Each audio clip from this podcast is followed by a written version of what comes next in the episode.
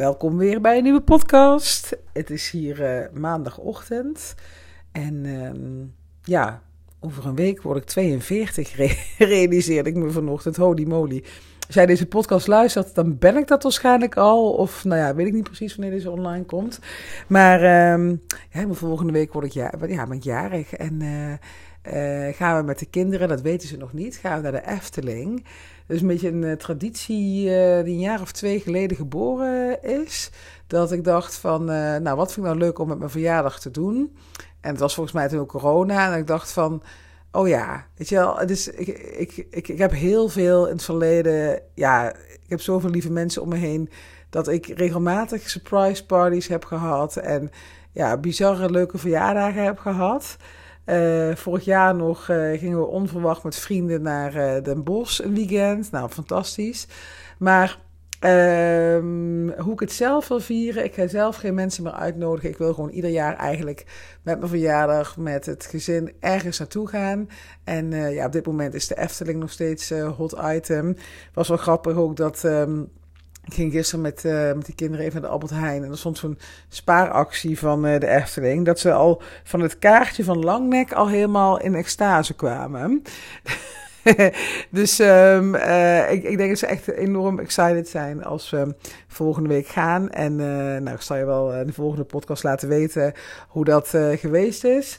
En ehm, ja, verder, ik heb echt um, een heerlijk weekend gehad. En uh, je hebt het misschien al eens vaker horen zeggen, maar ik merk echt dat wij uit die tropenjaren gekropen zijn. En dat ik echt, ik heb echt het gevoel dat ik een ander leven heb. Uh, om een voorbeeld te geven. Nou, Jip en Bo gaan nu uh, uh, dus al een maand naar dezelfde basisschool. Johan is er nu aan brengen. Nou, tenminste naar de BSO. Het is nog vakantie hier. We hebben twee weken vakantie.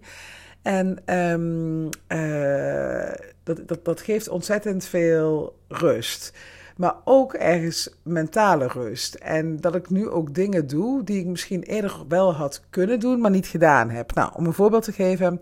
Afgelopen weekend was Johan met uh, vrienden een weekendje naar Antwerpen.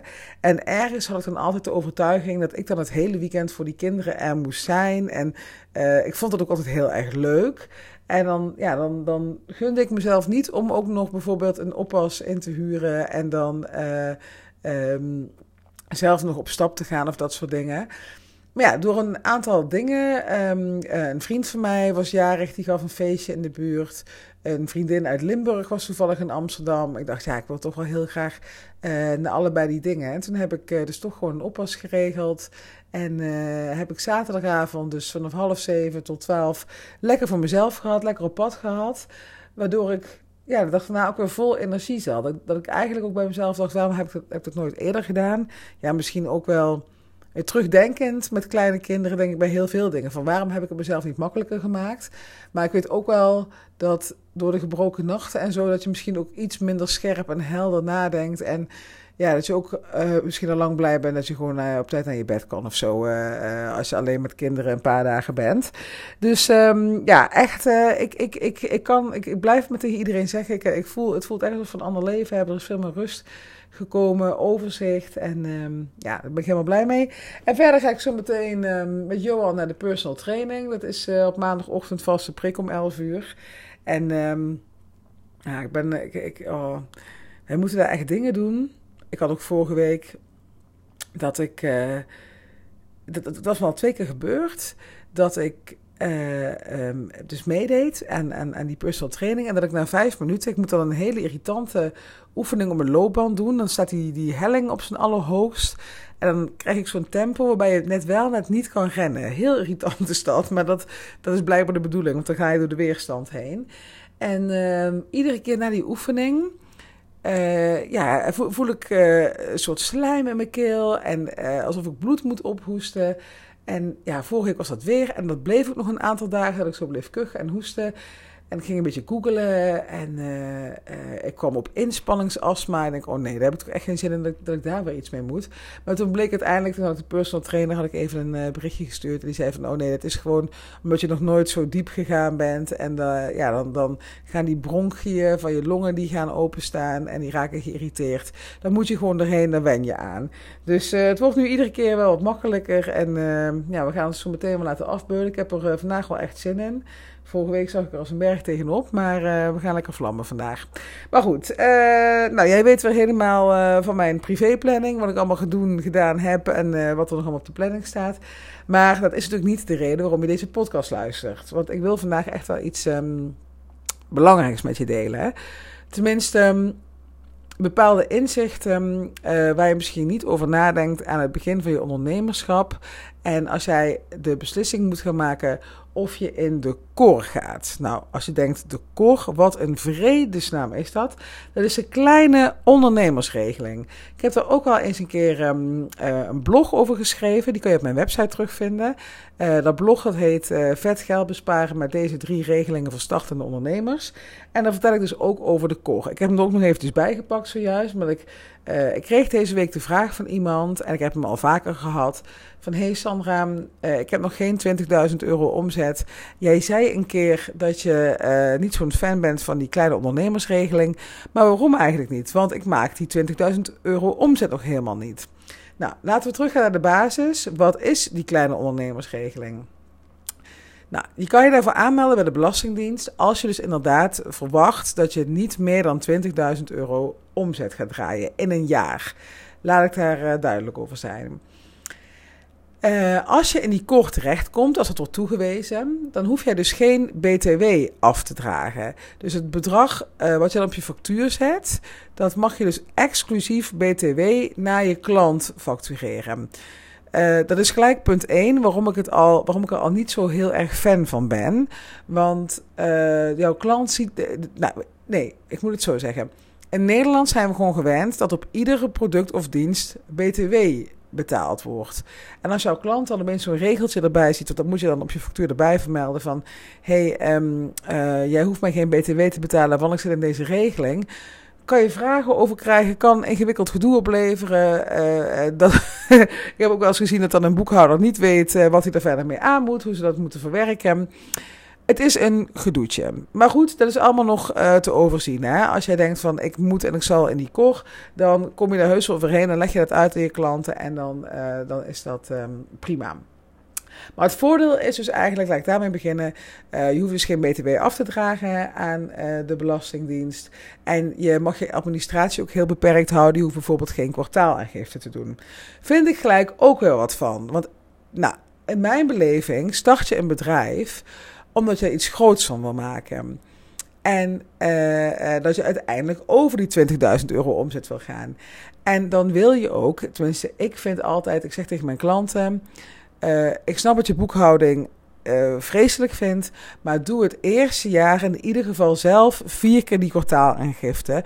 Dat je in ieder geval weet wat er in en uit gaat en hoe dat werkt. En dat je niet voor verrassingen komt te staan als je het op een later moment uitbesteedt aan iemand.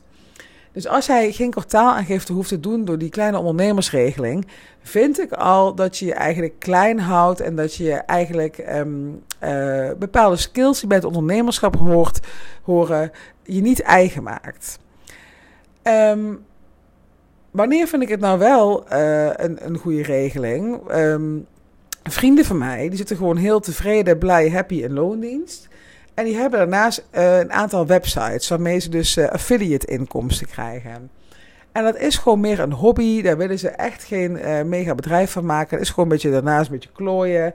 Ja, dan zou ik zeggen, stap in die kleine ondernemersregeling. Want ja, dan, waarom zou je dan kwartaalaangiftes gaan doen? Weet je wel, als het maar om een paar honderd euro per maand gaat. En het is gewoon voor de leuk. Je hebt er geen ambities mee doe het lekker. Maar als jij de intentie hebt, en dat, daar ga ik wel vanuit als, je, als ik met jou als klant ga samenwerken, dan ga ik ervan uit dat jij ja, 20.000 euro per jaar keer drie minimaal wil gaan verdienen. Um, dan, dan, ja, dan vind ik die core dus dat hij je een beetje klein houdt. En niet alleen omdat je geen kwartaalaangifte hoeft te doen, maar ook omdat um, die 20.000 euro. Je, gaat op een gegeven moment op een, op een, punt komen van hé, hey, um, als ik nu meer ga verdienen, dan moet ik BTW gaan afdragen. En uh, het, houdt je gewoon klein. Het is gewoon een magische grens, die 20.000 euro. Daar wil je dan onder blijven om, om maar in die regeling te blijven vallen. Maar dat houdt je bewust of onbewust klein. En als je echt voor een succesvol bedrijf gaat, dan zou ik echt zeggen, lap die regeling aan je laars. Dan heb je die niet nodig. En ook nog, even praktisch gezien, ja, er zijn zoveel argumenten en redenen. Ik kan niet helemaal op losgaan. wat ook nog zo is, je kan dus als je in die core zit, kan je je kosten mag je ook niet invoeren. Ehm, dus je mag de BTW ook niet terugvragen. En je mag ook niet je winst dempen door die kosten. En dat is dus ook weer een, een mindset dingetje. Als jij wil groeien met je bedrijf, zal je meer kosten moeten gaan maken. Wil je investeren in jezelf. En dat, dat voorbeeld wat ik net geef van die vrienden van mij met die website, ja, die hebben verder geen kosten. Ja, misschien de hosting en eh, de, de, domeinnaam uh, uh, per jaar, maar dat is het dan ook verder. Maar als jij een groter bedrijf hebt, dan wil je misschien in bepaalde systemen. Hè? Als ik naar mijn eigen systemen kijk, wat heb ik allemaal? Zoom, Calendly, Moneybird, uh, nou, mijn websites. ja, ik heb er vast nog veel meer. Ik weet het even niet. Canva. Nou, ik heb echt best wel wat systemen. Um, waarvan ik vind dat het eigenlijk de basis is die je wel nodig hebt als je een goed lopend bedrijf wil, wil hebben. En uh, dan zou ik die kosten dus ook niet kunnen aftrekken als ik in die kleine ondernemersregeling zit. Dus je mist daar ook nog heel veel voordeel in. Um, ja, dus dat is eigenlijk praktisch gezien ook nog een, een, een, een, uh, een dingetje. Oh ja, en het laatste ding, en dat is ook, dat heb ik nu echt te vaak voorbij zien komen dat als je in die kleine ondernemersregeling zit en je wil eruit om een van de voorgaande redenen, dat is echt een, een ja, nou ja, ik, ik wil niet, nee, ik kan het niet mooier maken dan het is. Um, nou, dat is een mooie slogan, want dat zegt de Belastingdienst volgens mij ook altijd. We kunnen het niet mooier maken, maar wel makkelijker of zo. Nou ja, je weet allemaal, als je wel eens een keer in de telefoon hebt gehangen met de Belastingdienst, laat ik het zo zeggen, ze hebben daar geen ondernemersmentaliteit. Er zit geen, uh, geen, geen urgentie achter om jou zo snel mogelijk te helpen. Dus om uit die kort te komen, dat is echt ja, ik heb, echt, ik heb het zelf gelukkig nooit gehad. Ik had gelijk zoiets van: nee, dat, uh, ik, ga, ik ga minimaal 20.000 euro verdienen. Veel meer uh, was mijn intentie uh, toen ik startte met ondernemen. Ehm maar uh, uh, ik zie het wel om me heen natuurlijk. Hè, dat mensen die bijvoorbeeld uh, kiezen voor parttime ondernemen, dat ze denken, hm, ja, die 20.000 euro, ik kan het wel, wel aangaan. Maar als je er dan dus vervolgens uit wil komen, ja, bereid je maar voor op brieven, telefoontjes, oeverloos gelul. En ja, je komt er gewoon heel moeilijk weer uit. het is volgens mij ook maximaal drie jaar dat je in die koor mag zitten. Uh, ik geloof dat je dan, als je na echt drie jaar erin gezeten hebt, dat je er dan wel uh, heel eenvoudig uitgaat. Maar um, uh, ja, je wil, je wil die drie jaar in een koor zitten. Tenminste, dat is mijn mening. En alles wat ik hierover zeg, dat is natuurlijk mijn mening, hoe ik het zie. Als jij denkt van, nou, al die redenen wat jij aangeeft, het maakt mij niet uit als ik geen kosten kan maken. Of in ieder geval niet kan invoeren. Uh, het maakt mij niet uit om onder die 20.000 euro te blijven. Ja, wie ben ik dan om te zeggen dat je niet in die koren uh, mag gaan? Maar mijn visie hierop is echt van alsjeblieft, uh, ja, gun jezelf veel meer dan 20.000 per jaar. En laat je niet klein houden door deze regeling. Ja, ga gewoon voor goud en niet voor karton. Laat ik het zo maar zeggen. Nou, redelijk korte podcast, maar ik denk dat ik alles wel uh, heb kunnen zeggen wat, uh, wat ik hier um, uh, over te zeggen heb. Um, en ja, wil je hier nou meer over weten? Loop je hier nou vast op? Kijk nog even op mijn website sandramannes.nl onder blog. En daar vind je dus um, inderdaad het hele verhaal. Ook, ook wel interessant over een aantal andere regelingen die je hebt als startend ondernemer. Ik zou eigenlijk eens even moeten kijken of dat nog up-to-date is. Uh, ik zit even doorheen te scrollen. Sommige dingen veranderen wel eens. Hè. Bepaalde aftrekposten. Ik zou hem eigenlijk even moeten updaten. Maar um, je komt er al heel ver mee. Kijk even op mijn website sandramannes.nl onder het kopje blog. En daar zie je dus hoe je uh, eenvoudig uh, kosten kan aftrekken en kan besparen met het starten van je bedrijf. Hey, bedankt voor het luisteren. Tot de volgende. Heb je nog onderwerpen voor een podcast? Schroom niet. Stuur me een mailtje. Stuur me een berichtje op LinkedIn. Instagram mag ook nog steeds. Ik ben daar niet actief op, maar ik zie wel de berichten nog steeds. Dus uh, maak er gebruik van. En uh, ja, laat me weten wat jij wil weten. Dan uh, maak ik een podcast voor je. Bedankt voor het luisteren.